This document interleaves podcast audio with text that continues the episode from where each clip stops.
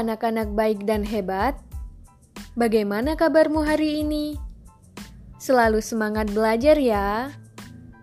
Kali ini kamu akan belajar tentang sebuah teks yang tidak asing lagi.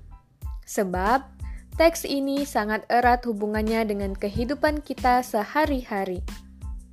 Selama pembelajaran jarak jauh di rumah, apa saja informasi yang kamu dapatkan mengenai peristiwa yang terjadi di sekitarmu?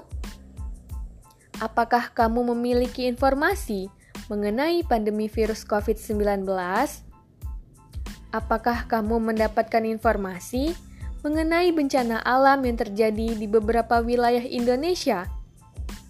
Atau kamu juga memperoleh berbagai informasi lainnya yang berkaitan dengan dunia pendidikan? Lalu, Apakah kamu tahu informasi yang kamu peroleh tersebut dikenal dengan sebutan apa? Iya, informasi tersebut dikenal dengan sebutan berita. Kamu pasti sudah pernah menemukan teks berita. Kamu juga pasti sudah pernah membaca teks berita, bukan? Teks berita dapat kamu baca di koran. Selain itu, kamu juga dapat membacanya di berbagai media cetak daring atau online. Tidak hanya membacanya, kamu juga pasti sudah pernah mendengarkannya. Berbagai rekaman audio atau suara dapat memuat teks berita.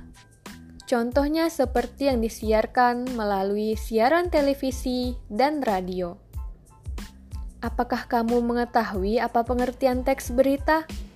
Atau Selama ini kamu hanya membacanya dan mendengarnya saja tanpa mengetahui apa pengertian teks berita yang sebenarnya. Lalu, apakah kamu mengetahui apa saja unsur-unsur teks berita?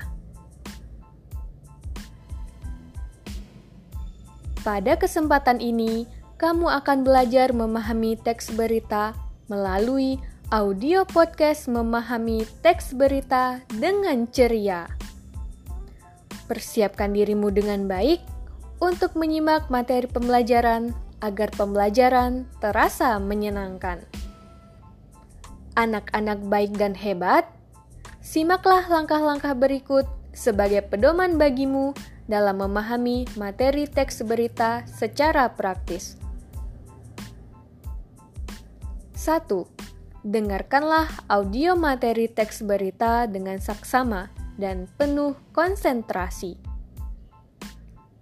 2. Simaklah pembahasan setiap audio submateri dan fokuslah pada pokok pembahasan. 3. Catatlah pokok-pokok materi teks berita pada setiap pembahasan submateri. 4. Sampaikanlah isi materi teks berita berdasarkan pokok-pokok berita yang telah kamu ketahui tersebut. Selamat dan semangat belajar anak-anak.